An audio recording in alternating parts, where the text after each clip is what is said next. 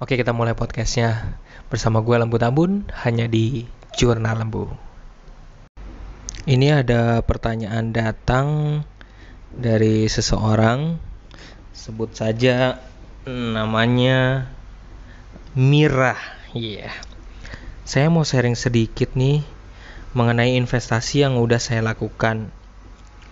Mari silakan coba. Saya masih berani di tabungan emas untuk investasi di pegadaian dan deposito saja. Tapi saya rasa bunga yang didapat dari situ masih kurang besar. Nah, terus aku tanya, kamu sukanya apa? Ya. Kalau saya lebih menyukai bunga besar tapi konsisten. Saya pernah ikut ingin ikut trading tapi sangat beresiko bagi pemula seperti saya sekarang saya malah lebih prepare nabung saham. Tapi bingung, saham yang benar-benar oke jangka waktu 5 tahun apa ya? Gitu. Terima kasih uh, atas pertanyaannya. Jadi investasi apa? Nah, biasanya kita harus tanya dulu nih. Biasanya kalau kalau gue sukanya tuh flashback dulu. Kadang-kadang kalau kayak gini, biasanya gue hubungin orangnya dulu, tanya flashbacknya dulu atas dasar pertanyaannya ini, kenapa bisa kayak gitu? Biasanya gue suka ngulik-ngulik dulu. Di belakangnya itu latar belakangnya apa? Sampai dia berani tadi cuman bisanya berani pegadaian terus emas yang lainnya resiko segala macam. Kok tapi takut ya gitu. Saham kenalan aja belum tapi udah takut ya kan? Terus kemudian reksadana dia nggak tahu juga tapi udah takut duluan gitu. Dia maunya tetap uang yang apa namanya pas gua tanya dia tuh berharap uang gaji yang udah dia kumpulin itu itu bisa konsisten berbunga gitu ya mungkin dia berharap bahwa bisa uh, bunganya 30% per bulan mungkin gitu naruhnya gitu.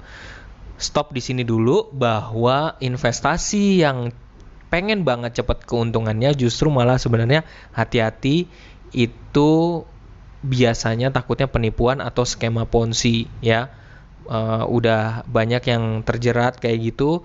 Jadi so hati-hati kalau yang ada yang tiba-tiba pengen ngasih imbalan tuh 30% per bulan gitu. Ya hati-hati.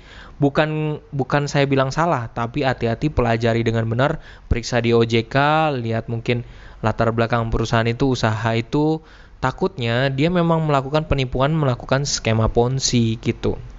Nah, back to cerita si Mbak ini ya gitu. Ya.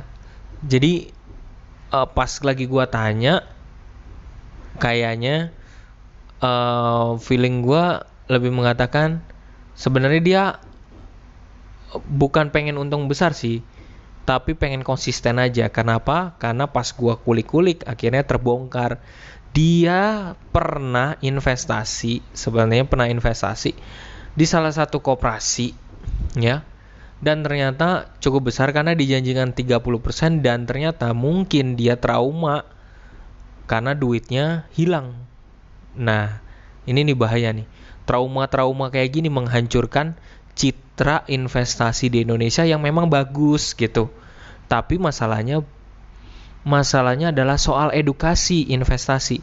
Karena orang Indonesia kurang mendapatkan edukasi literasi finansialnya sehingga menyebabkan ketika ditawari keuntungan ditawari investasi yang langsung mengiming-imingi yang langsung gede, marketingnya terlalu gede, pada akhirnya ketika nyemplung, terjerat, terus duitnya hilang.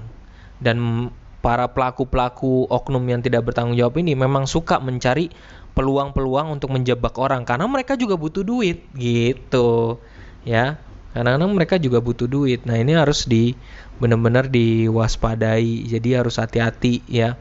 Makanya kalau misalnya ini tips aja ya uh, soal investasi kayak gini. Jadi uh, caranya uh, belajar dari pengalaman Mbak ini maka carilah harus banyak literasi literasi keuangannya harus diperkuat harus ba banyak tanya da sana dan sini. Harus cari tahu ya. Harus kenal macam-macam investasi.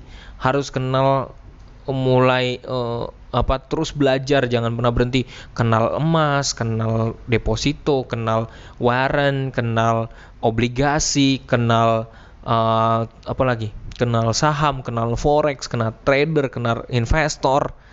Harus makin banyak supaya akhirnya nggak mudah untuk jatuh gitu ya gitu.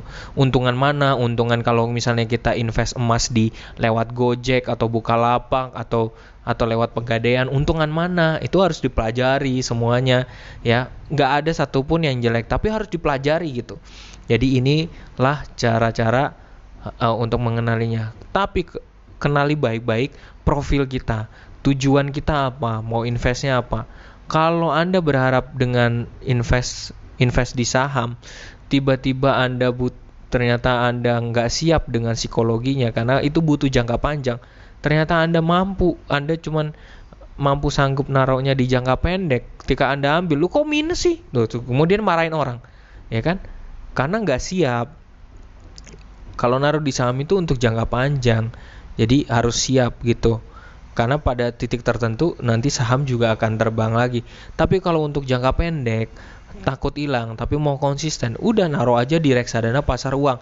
Lebih sedihnya lagi si mbak ini nggak ngerti reksadana pasar uang itu apa gitu. Nah ini perlu belajar terus. Ya perlu kita kita sama-sama belajar perlu kenal terus agar Indonesia makin cerdas. Thank you mbak udah sharing udah nulis atas pertanyaannya. Uh, dan ini podcast ini gue persembahin buat lo mbak uh, semoga uh, apa lo juga makin setelah mendengar ini makin cerdas finansial. Salam dari gua Lembu Tambun hanya di Jurnal Lembu.